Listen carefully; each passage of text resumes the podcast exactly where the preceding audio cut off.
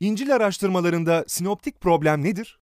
Sinoptik problem İncil araştırmalarında bize büyük yardımlar sağlayan, İncil metinlerinin karşılaştırılması birlikte kuş bakışıyla okunması temelinde geliştirilmiş bir araştırma disiplinidir. Sinopsis tabiri zaten Yunanca'da bu anlama geliyor. Birlikte görmek, birlikte mütalaa, değerlendirme anlamına geliyor. Yani bizden bunu yapmamızı istiyor bu araştırma disiplini. Hangi İncilleri? İlk üç İncil'i yani Matta, Markos ve Luka'yı. Tabii İncil'ler üzerine yapılan araştırmalarda araştırmacılar şunu fark ettiler. İlk üç İncil birbirlerine çok paralel bilgiler veriyorlar. Kristolojik bakışları itibariyle, kullandıkları kavramları itibariyle, kronoloji konseptleri itibariyle, anlatımlarında öne çıkarttıkları coğrafi mekanlar itibariyle, dil ve üslupları itibariyle, kullandıkları kelimeler itibariyle Matta, Markos ve Luka İncillerinin birbirlerine çok yakın anlatımlar yaptıklarını, arada bazı farklar da olmak kaydıyla bilim adamları fark ediyorlar. Tabii bu gerçeğin fark edilmesi bilim adamlarını temelde şu noktaya odaklanmaya sevk etti. Acaba Matta, Markos ve Luka İncilleri birbirlerine neden bu kadar çok benziyorlar? Bununla ilgili yapılan araştırmalarda ortaya şu konuldu. İncil metinleri arasında metinsel anlamda ilişkiler var. Yani İncil yazarlarından bazıları ötekileri kaynak olarak kullanmışlar. Bizim bugün örneğin adına Matta dediğimiz İncil ile Luka ve Markos İncilleri arasında ya da Luka ile Markos ve Matta İncilleri arasında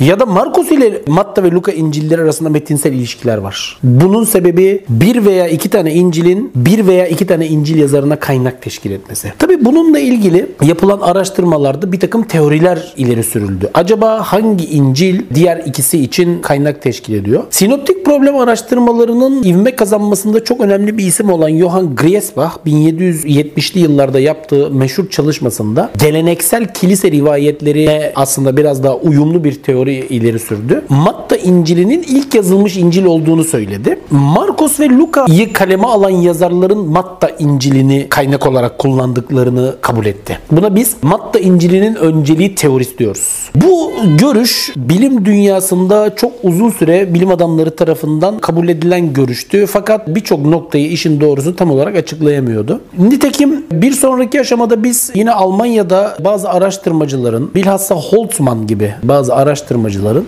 Markos İncil'inin ilk yazılan İncil olduğu yönündeki teorilerinin ivme kazanmaya başladığını görüyoruz. Tabi bu bağlamda birçok başka teorinin üzerinde durmak mümkün. Ben burada bu detaylara girmek istemiyorum. Teknik bilgilerle izleyenleri sıkmak istemiyorum. Ama şunun bilinmesi önemli. Yaklaşık 200 yıl, 250 yıldır devam eden bu anlamda, bu bilimsel disiplin bağlamında devam eden araştırmalarda artık bugün İncil araştırmacılarının çok çok büyük bir kısmı Markos İncil'inin önceliği teorisine kanaat getirmişlerdir. Yani bu teoriye göre Markos ilk yazılmıştır, Matta ve Luka İncil'leri daha sonra yazılmıştır. Ancak metinsel ilişkilerin izahı noktasında bazı nüanslar var. Mesela diyelim ki bir görüşe göre işte iki kaynak ve dört kaynak hipotezine göre Matta ve Luka İncil'lerinin yazarları Markos'u kaynak olarak kullanmışlardır ki çok büyük oranda bilim adamları bu görüşte. Yani bu görüş şu. Markos İncil'i önce yazılmıştır. Matta İncil'i ve Luka İncil'i birbirlerinden bağımsız şekilde daha sonra yazılmışlardır ve Matta'yı ve Luka'yı kaleme alan bizim bilmediğimiz müellifler Markos'un metnini kaynak olarak kullanmışlardır. İnciller arasındaki literal ilişkiyi biz bugün bu şekilde açıklıyoruz. Sinoptik problem araştırmalarından bizim ulaştığımız tabii ki birinci önemli netice bu. Ve sinoptik problem araştırmalarının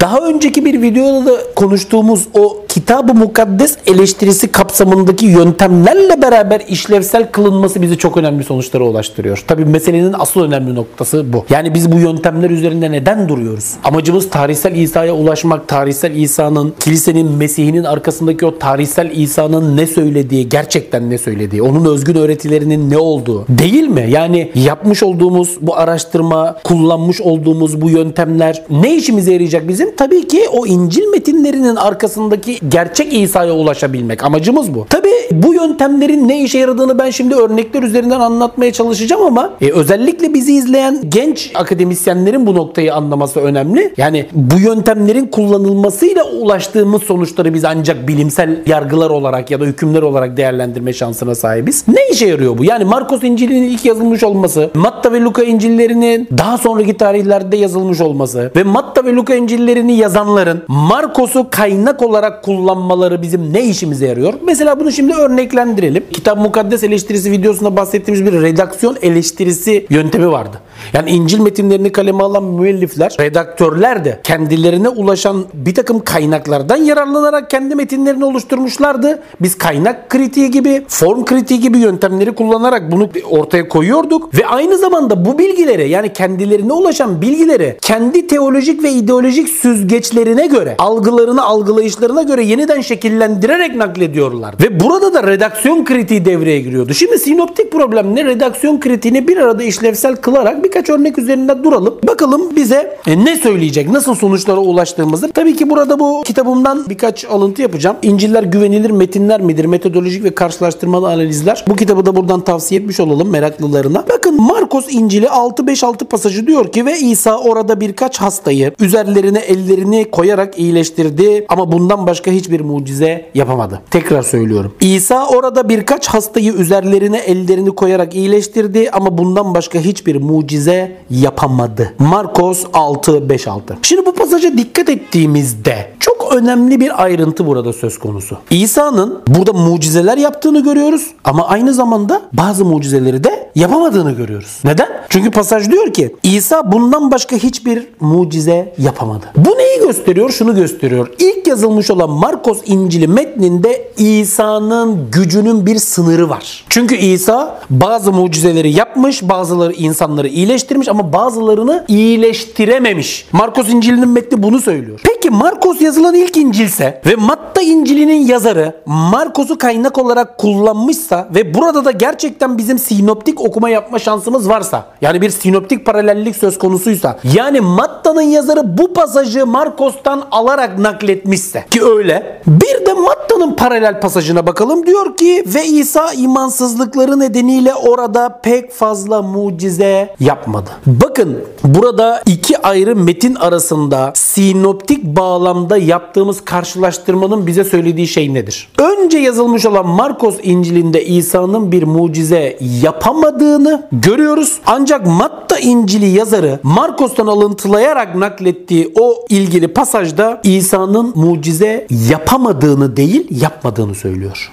Yani buradan biz İsa'nın aslında gücü sınırlı bir varlık iken Markos İncil'inin yazılmasından Matta İncil'inin yazılmasına kadar olan süreçte gücü sınırsız bir varlığa dönüştürülmeye başladığını görüyoruz. Bilmiyorum izah edebiliyor muyum? Yani Markos İncil'i metninden Matta İncil'i metninin yazılışına kadar geçen süreçte Markos İncil'inin İsa'nın kristolojik değerine dair bu örnekte karşımıza çıkan değerlendirmesi kiliseyi ya da o günkü bazı Hristiyanları tatmin etmemiş olmalı ki Matta İncil'ini kaleme alan müellif bu pasaja çok küçük bir dokunuşla redaktör olarak sinoptik problem ve redaksiyon kritiğini biz burada birlikte işlevsel kılıyoruz. Artık herhalde anlaşılmıştır. İsa'yı gücü sınırsız bir varlığa dönüştürmektedir. İşte sinoptik problem araştırmalarının bize söylediği güzel örneklerden bir tanesi bu. Bunun gibi birçok örnek var. Meraklılar kitabıma bakabilirler. Yine aynı bağlamda ilginç olduğunu düşündüğüm başka bir örneği sizlerle paylaşmak istiyorum.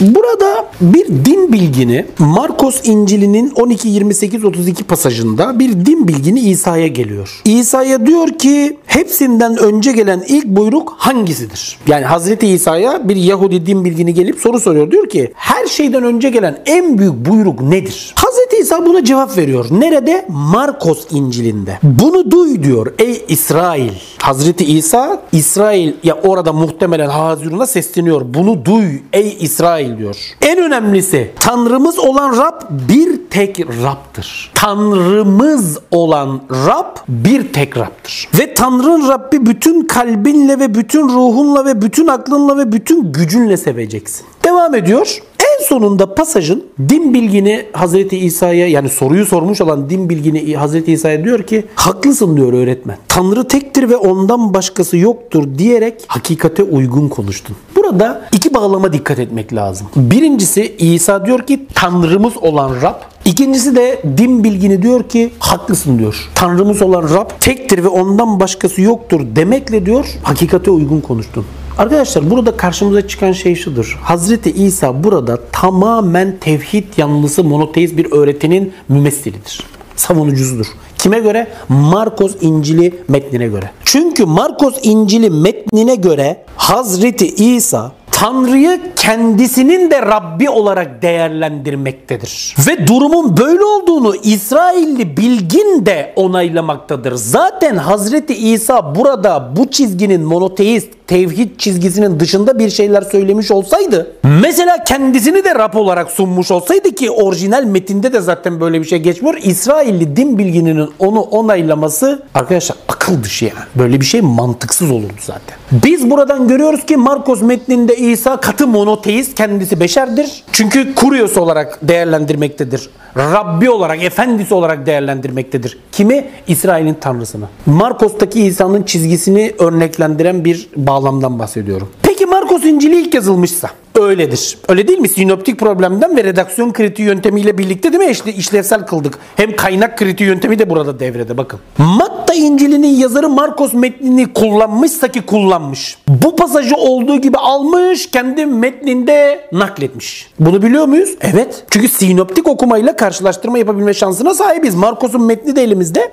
Matta'nın metni de elimizde. Peki Matta'da bu pasaj nasıl karşımıza çıkıyor? Soru bu. Diyor ki Matta'da 22 35 40'ta ve onlardan biri bir hukukçu onu denemek için sordu. Öğretmen yasanın en büyük buyruğu hangisidir? Ve o ona dedi Tanrın olan Rabbi bütün kalbinle ve bütün ruhunla ve bütün aklınla seveceksin. Markos'taki cevap böyle miydi arkadaşlar? Markos'taki cevap nasıldı? Tanrımız olan Rab bir tek Rab'dır diye bekliyordu. Gördüğünüz gibi Matta'nın yazarı bu kısmı sansürledi. Ve devam ediyor anlatımına en sonuna geliyorsunuz. Bütün yasa ve peygamberler bu iki buyruğa dayanmışlardır diyor. Noktayı koyuyor. Peki din bilgininin Hazreti İsa'yı onaylaması nerede? O da yok. Arkadaşlar gördüğünüz gibi Matta İncil'inin yazarı Markos'tan almış olduğu pasajı naklederken kendi ideolojik ve teolojik düşüncesiyle uyumlu hale getirerek naklediyor. Ve bu sırada İsa'nın katı monoteist tevhidçi çizgisini bulanıklaştırıyor. Bilmiyorum net olarak anlaşıldı mı? Sinoptik problem araştırmalarının ve onu redaksiyon kritiği yöntemiyle işlevsel kılmanın bize gösterdiği bir şey bu. Bu ne demek? Bu şu demek. Markos İncil'inin yazıldığı 68-71 yılları civarında ortalıkta dolaşan bir takım rivayetler Markos'un yazarına kadar ulaşan bir takım rivayetler İsa'yı salt katı monoteist olarak tanımlıyor ve bu rivayetler Markos metnine giriyor. Şu veya bu şekilde. Belki yazılı bir kaynaktan, belki sözlü bir kaynaktan. Fakat Matta İncil'inin yazarına ulaşıp da Markos metni Matta'nın yazarınca kullanılana kadar geçen o 10-15 yıllık zaman dilimi içerisinde Markos'taki bu ifade kilisenin İsa'ya atfettiği kristolojik değeri ya da beklentiyi tam olarak karşılayamadığı için Matta'nın yazarı İsa'yı, İsa'nın Markos'taki o katı monoteist çizgisini bulanıklaştırıyor. Neden? Çünkü Matta'nın yazarına göre İsa Tanrı'ya tabi salt bir kul, beşer değil. Arkadaşlar anlaşılıyor mu bilemiyorum. Yani bir İncil yazarının kendi teolojik, kendi ideolojik düşüncesini kaleme aldığı metne nasıl yansıttığını bakın bilimsel olarak ortaya koyuyoruz. Birinci örneğimizde bunun gibi arkadaşlar başka örnekler de var. Yani İncil'ler güvenilir metinler midir? Kitabımda bu karşılaştırmalardan bolca var. Sadece ben burada seçtiğim bazı pasajları sizlerle paylaşıyorum. Gördüğünüz gibi birinci örnekte İsa'nın gücü sınırlı bir varlıktan tarihsel süreç içerisinde metinleri kronoloji itibariyle incelemek suretiyle yapıyoruz biz bu şeyi. Gücü sınırlı bir varlıktan sınırsız bir varlığa dönüştürüldüğünü. Bir sonraki aşamada monoteist çizgisinin, beşeri İsa'nın monoteist çizgisinin bulanıklaştırıldığını görüyoruz. Son örnek daha paylaşayım isterseniz çok fazla da uzatmadan bu şeyi kapatalım. Mesela burada ilginç bir örnek var. Bu örneği sizlerle paylaşmak isterim. Biliyorsunuz arkadaşlar Hazreti İsa da aslında herkes gibi bir insandı. Çalışıyordu. Yani karnını doyurmak için çalışan, bir ailesi olan, belki ailesinin geçimini temin eden. Öyle değil mi? Yani bir insan bunun için ne yapması gerekiyor? Para kazanması gerekiyor. Bu çok açık, çok net bir şey. Ve biz işin doğrusu meselenin bu boyutuna dair bazı bağlamları çok küçük de olsa İncil metinlerinde de görüyoruz. Bakın Markus İncil'inin 6-3 pasajında bir ifade geçiyor İsa için. O bir marangoz değil mi? Kimi kastediyor? Hazreti İsa'yı. Diyor ki marangoz değil mi? Bu ne demek arkadaşlar? Hazreti İsa diyor bir marangoz. Bu ne demek? Yani bir atölyesi var. Öyle değil mi? Bugün marangoz ne iş yapıyorsa Hazreti İsa da o işi yapıyor olmalı. Marangoz değil mi diyor İsa için? Markos İncil'inin 6-3 pasajı. Yani çalışıyor. Para kazanıyor. Para kazanmak suretiyle karnını doyuruyor bu adam. Kime göre? Bana göre değil. Markos İncil'ine göre. O bir marangoz değil mi? Arkadaşlar bu ifade Matta İncil'inde marangozun oğlu değil mi oluyor? Matta 13.55'te. Markos'ta marangoz İsa, Matta İncil'inde marangozun oğlu İsa. Neden? Muhtemelen İsa'nın karnını doyurmak için çalışan bir insan olduğu düşüncesi Matta İncil'inin yazarını rahatsız ediyor. İsa'nın kristolojik değerini daha yücelterek sana sunmak istiyor. Luka İncil'ine geldiğimizde 4.22 marangoz ifadesi komple devre dışı. Luka İncil'i ve herkes ağzından çıkan lütufkar sözlere hayran kalarak ona tanıklık ediyordu ve diyorlardı ki Yusuf'un oğlu değil mi bu? Aradaki farkı görüyor musunuz? Markos ilk yazılıyor ve İsa'nın marangoz olduğunu söylüyor. Matta ondan sonra yazılıyor ve Markos'u kaynak olarak kullanıyor. Yani pasajı alıp naklediyor. Markos'tan aldığı pasajı naklediyor ama marangozu marangozun oğluna çeviriyor. Luka İncil'inin yazarı bir sonraki aşamada marangoz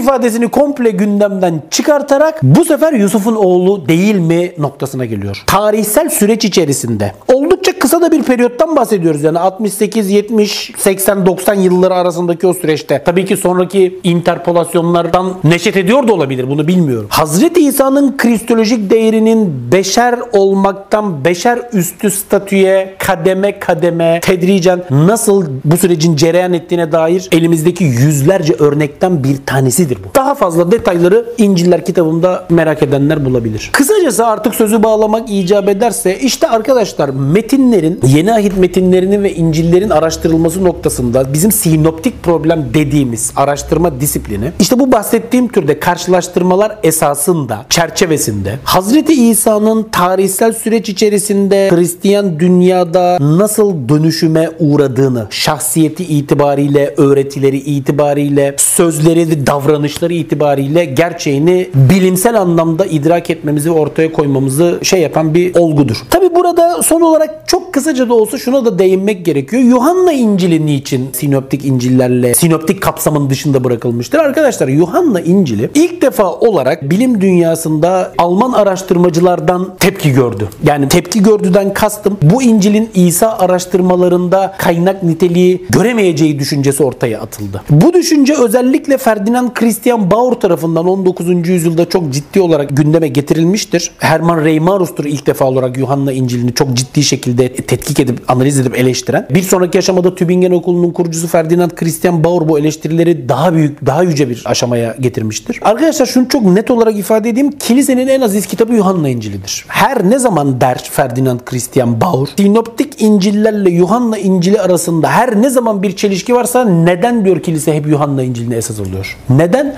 Çünkü Yuhanna İncil'i İsa'yı doğrudan tanrılaştıran tek İncil'dir. Biz Yuhanna İncil'i ile sinoptik İncil'leri karşılaştırdığımızda dil ve üslup bakımından çok büyük farklılıklar görüyoruz. Dolayısıyla Yuhanna İncil'inin sinoptik İncil'ler arasında olduğu gibi bu İncil'lerle literal, metinsel bir bağlantısı ya da ilişkisi olduğunu söylemek pek mümkün değil. İkincisi orada kronoloji konsepti farklıdır. Yuhanna İncil'i İsa'nın yaşamıyla ya da son dönemiyle ilgili bambaşka bir kronoloji verir. Yüzlerce örnek verebilirim. Bir tanesini söyleyeyim. 3 yıldır İsa'nın misyonu Yuhanna İncil'inde. Diğer İncil'lerde 1 yıldır. Bir fısır bayramı geçirir. Diğerine bakın. Mesela Kudüs'e ziyaretlerine arada devasa farklar olduğunu göreceksiniz. Coğrafya konsepti çok farklıdır. Sinoptik problemlerde ön plana çıkan işte İsa'nın ziyaret ettiği, yaşadığı hatta doğduğu şehir. Yuhanna İncil'inde bambaşka şekillerde karşımıza çıkar. Teolojik bağlam çok önemlidir. Sinoptik İncil'lerde İsa genel itibariyle bir beşerdir. Yalnız bu sinoptik İncil'lerin yazarlarının İsa'yı salt bir beşer olarak gördükleri anlamına gelmez.